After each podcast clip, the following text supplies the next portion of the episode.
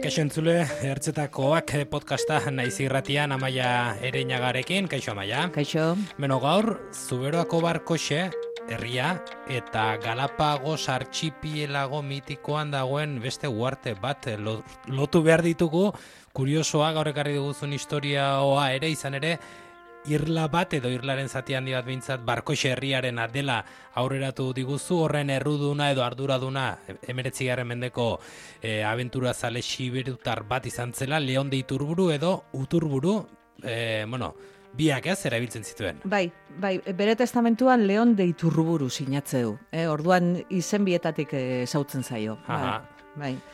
Eta, bueno, hau Leon e, garren mendeko hori... E, aberentura sale bat izan zen, e, ez daudatu askoik berari buruz, dagoena da hori e, barkoxe herriak, herriari utzi zion bere testamentuan, e, hiltzenean Floreana uartearen bi bosten.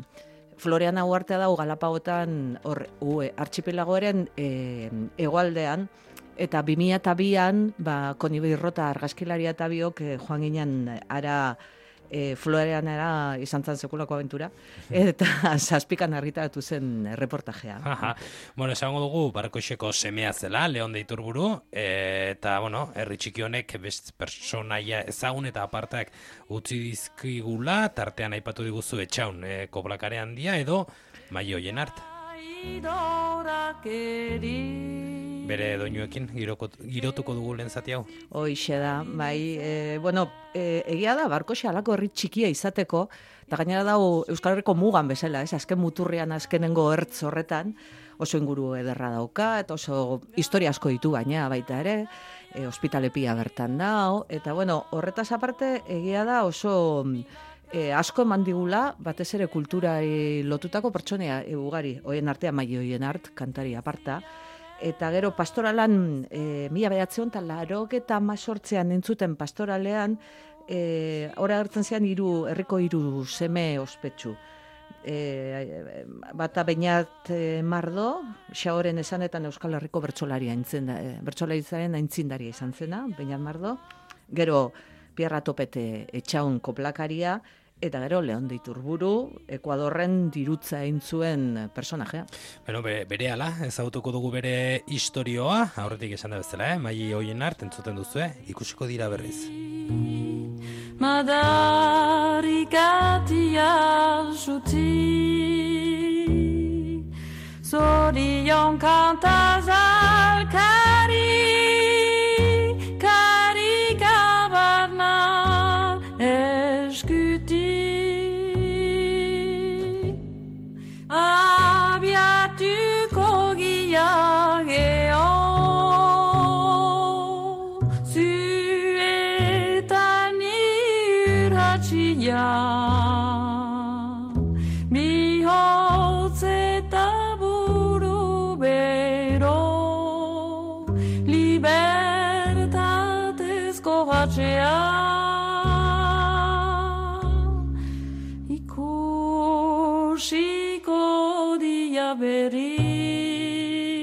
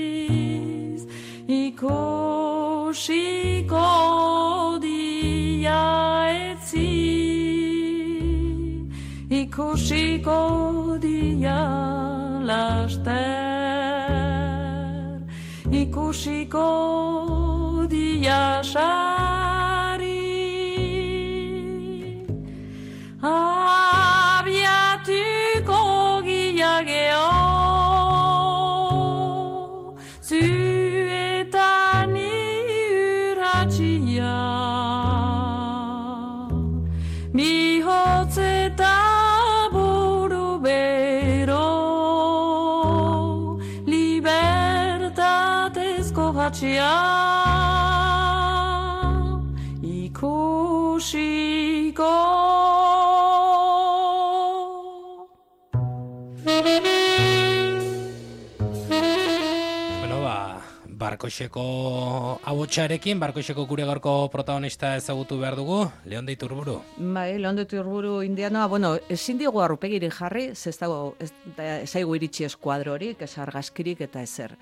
Dagoen erreferentzi bakarra, da Barkoxen udaletxean bertan gordetzeuten bere testamentoa, mila sortzireun eta irurogetala urtekoa da, apirilekoa, guk ikusi izan genuen, eta bertan e, aipatzea, ba hori, ba, azken puntuan, e, Leonek aipatzen zuen, ba, e, Florean Auartearen bosterenak, e, zati bat, e, bere sorterriko ongintza bulegoari eta pobrei utziko ziela, ez?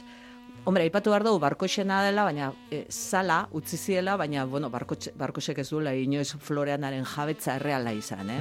Gaur egun, gaina e, Galapagos artea dago Ekuadorren e, Ekuadorren dago da kostaldetik mila kilometrotara dago eta hoize dana parke nazionala da eta sentitzen baina jabetza ez da barko eta ez da, ez da euskalduna. Beraz amua jartzeko da amua jartzeko da. amua jartzeko zela bai bai eta bueno e, bitxia da, ze hori, agertzen da testamentu horretan, barkoseko udaletx, e, udaletzeko, bueno, alkatiak eta esate izu, bimia eta, eta bian, hasi ginen augusti hau ikertzen eta pixkat kuskusiatzen, interesa asko zuen zerrian badao, e, herrian bazekiten hori barkosek batzuela hango jabetza bat, bak eso hain urruti gaina, ez? E, ozeanoaren beste puntan.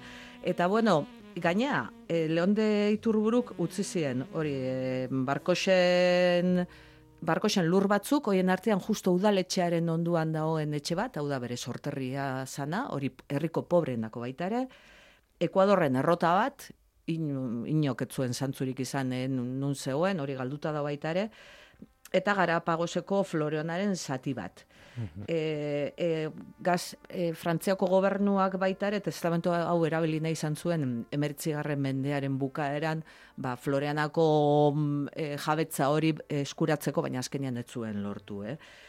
Eta bueno, aipatzen dizuen bezala, e, ez dakigu asko, Leon deiturbururen inguruan, e, etziran pobreak, orduan, arrau xamar da baita ere, ea zeitik, galdera da, ea zeitik e, juntzen Ameriketara. Suposatzen dugu, maioraz goren kontu bat izan zara, ze beste bere nahi, besta nahi bat, Jean Baptiste izenekoa baita ere, e, e, antxe Ekuadorren inguran ibili izan baita ere. Baina, bueno, izango zen maiorazkoaren kontua, eta gero baita ere, ba, e, aventura saleak, eta, bueno, Frantziako gobernuak antxe ere, bakizu, nazte borrazte, zegoen nazte borrazte hortan, oren independentziaren aurretik, eta ba, bakoitzak bere lurra eta jabetzak, eta urrea lortu nahi zuten, ez?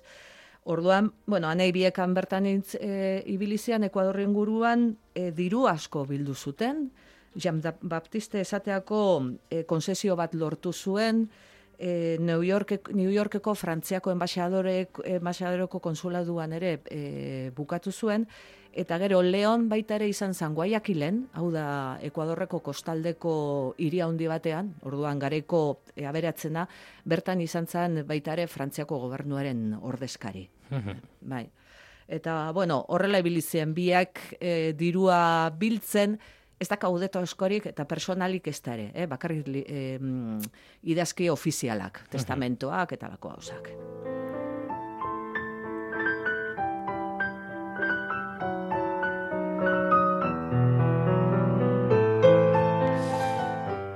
Gerardo Guevararen el espantaj pájaros, ekarri diguna maiarenaga, gurrengo tarterako, e, gauza asko ez dakizkigu, esan dugu, bere irudirik ez dugu, e, zergati joan zen inguru hoietara ere ez, dugu bat ere garbi, Guarteren jabetza nola lortu zuen, Leon Deitur kuri zerbait badakigu? Ez da oso argi ez da ere. Bueno, kontuan esan ezazue, zeue jakiteko, entzuten bai. ari garena pasillo badala. Oda, e, Ekuadorreko hau Gerardo Guevara da, Ekuadarroko kompositore e, klasikorik ezagunena, eta pasillo hau da, nazte, estiloen nazte, nazte bat. Eh? Zungo dugu pixkat?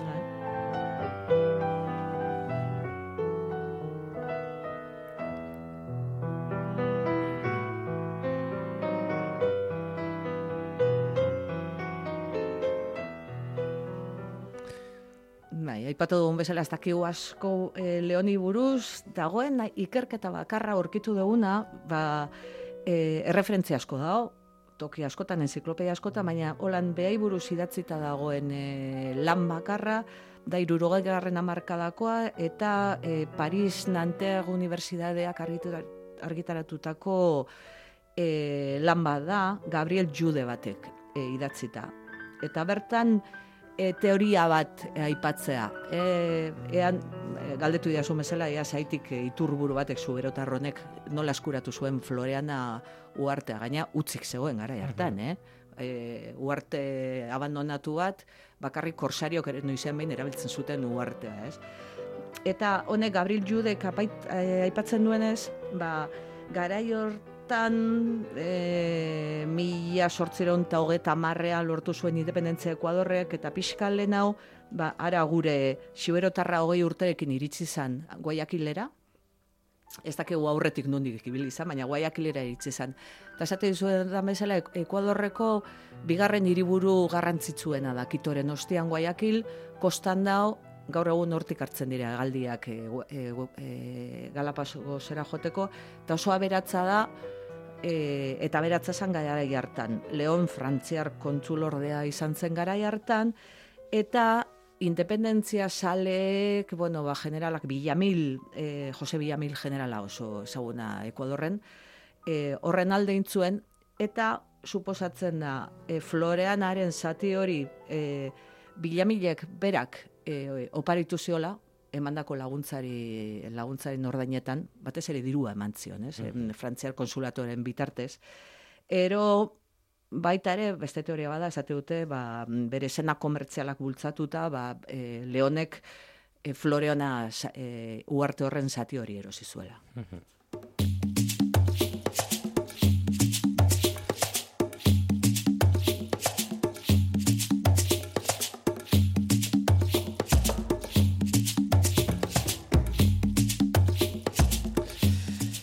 Soinu bandara, eh? kasu honetan eh, obsidiana kantua, Nikola Cruz eh, musikariarena. Aurrera egin behar dugu amaia ipatu diguzu, izan zinetela Floreanan, erreportaje sail bate egiten. Ez dakit, bueno, nolakoa da ingurura, eh, Euskal Jatorri horren inolako zantzurik balda, ke ba, zer ez. Zer, bai, bate goratzen zu, bate goguan zuen aita kontatu ziola, zerbait, ero liburu batean irakurri zuela zerbait. Baina kontuan auke behar duzue, e, Galapagos e, itxasuan galdutako uarte badala, eta itx, e, archipelago galdu horretan uarte galdu badaola Floreona izenekoa, ez? Gaina ez da uartirek politena, ez da undiena ez da ere, baina oso bitxia da, da Euskaldun punto badauka, esan edet, e, bai, ba, badauka zerbait, oza, etxea bezala sentitu ginez, esan hori, ba, e, oso bereziak ziren bertakoak, eta ikusiko duzu historiaz betetako uarte badala, ez?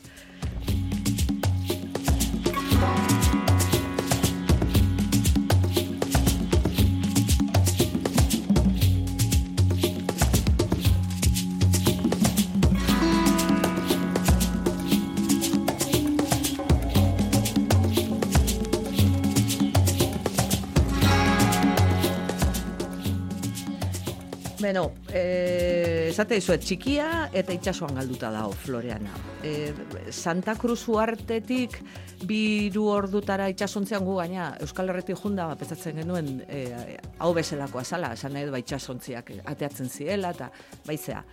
Bueno, guaiak iritsi ginen, han egaldi bat hartzea, eh, Galapagosetara juteko, hor beti arazoak izaten dira, gaina 2002an e, sumande bat kiton e, berpiztu intzan, eta ba, ar, konita biok erdian harrapatu gintun, alde genuen kitoko soramen hartatik eta bukatu genuen guaiakilen. Mm Eta orduan, e, egaldeak ateatzen dira, oso maiz ateatzen orduan egunian bat bakarra, eta pare bat orduko bidaiaren ostian, eta orduko eun dolar bakoitza gordainduta, ze parke nazionala da, eta turismoari zabalik badao, baina bueno, e, ordaintzen da, ba, bertakua ba, zaindu dezaten, eta guzti hori. Ez?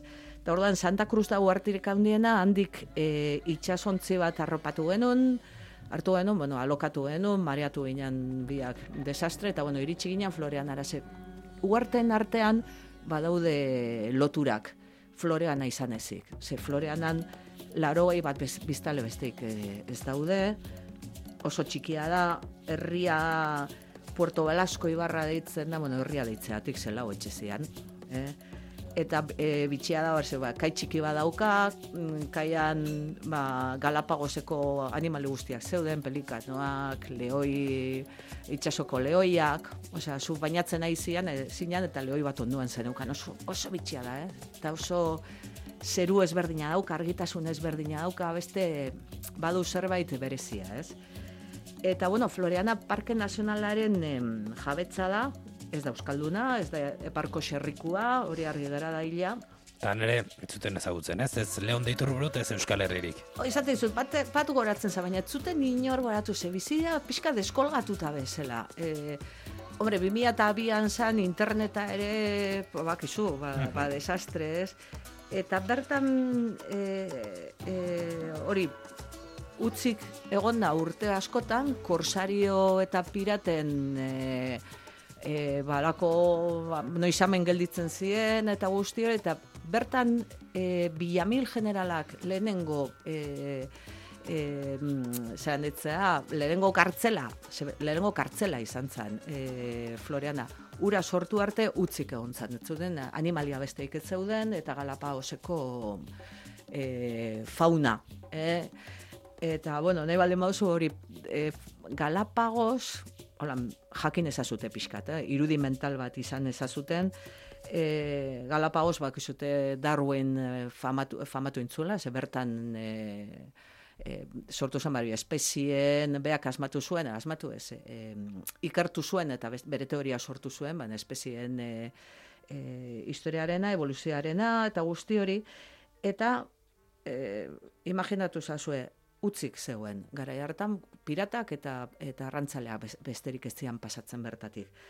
Dao, e, Santa Cruz aipatu dana, e, uarterik handiena bertan dago Charles Darwin e, fundazioa, ze bertan e, Darwin han e, emeritzigarren mendearen hasieran egon zenetik jarraian nazioarteko zientzialaren belaunaldi desberdin guztiak e, e, egon dira bertan evoluzioa ikertzen, oso toki garrantzitsua da.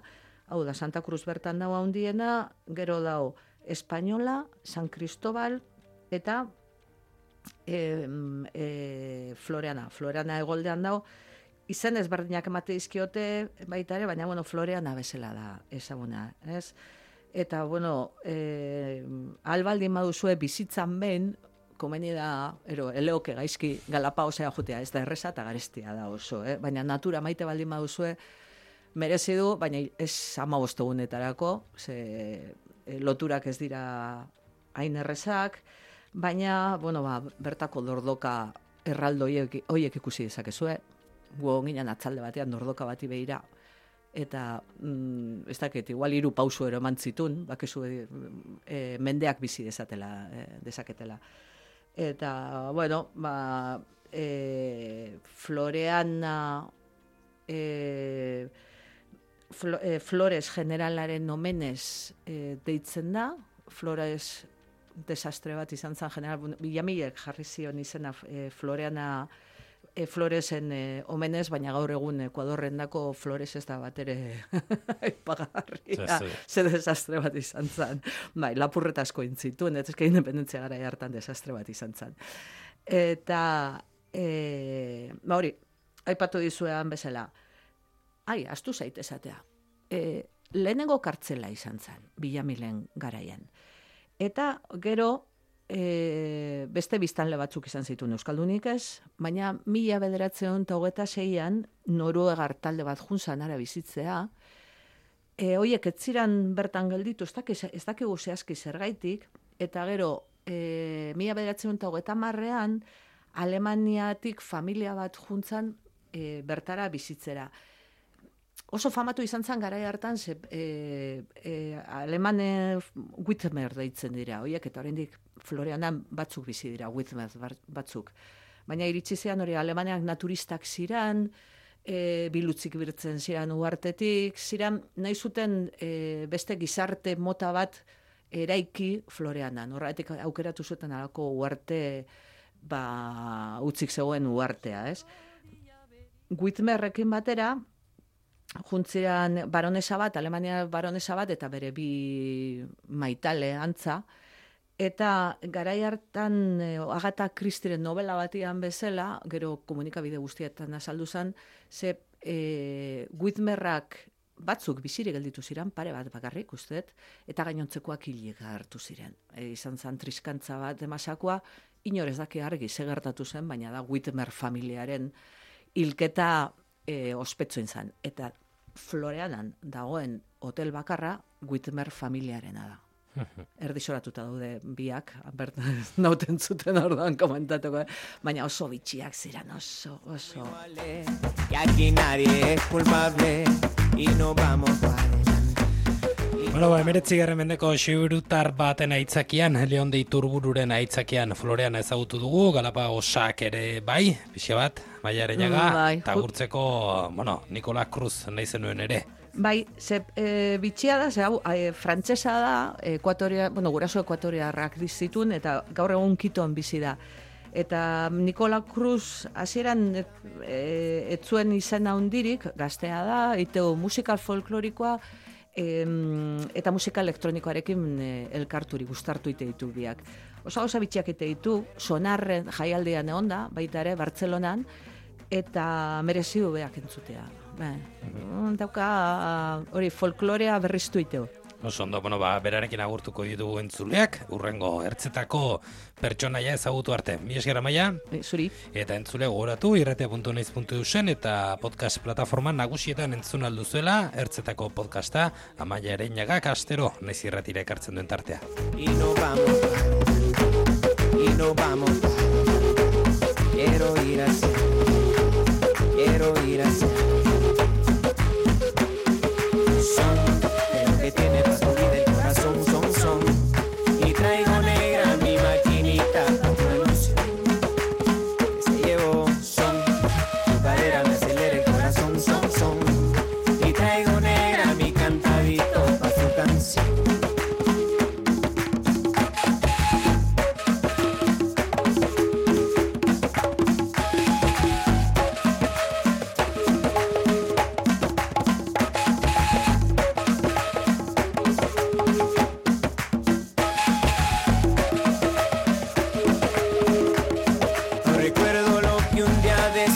padre, que toditos somos iguales, que aquí nadie es culpable y no vamos pa y no vamos pa Quiero ir hacia adelante, quiero ir hacia adelante, quiero ir hacia adelante.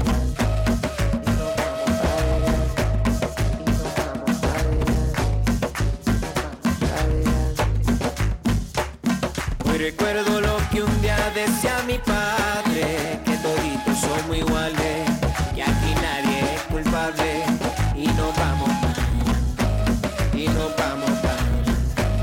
Quiero ir a ser, quiero ir a ser, quiero ir a ser. Recuerdo lo que un día decía mi padre, que toditos somos iguales, que aquí nadie es culpable.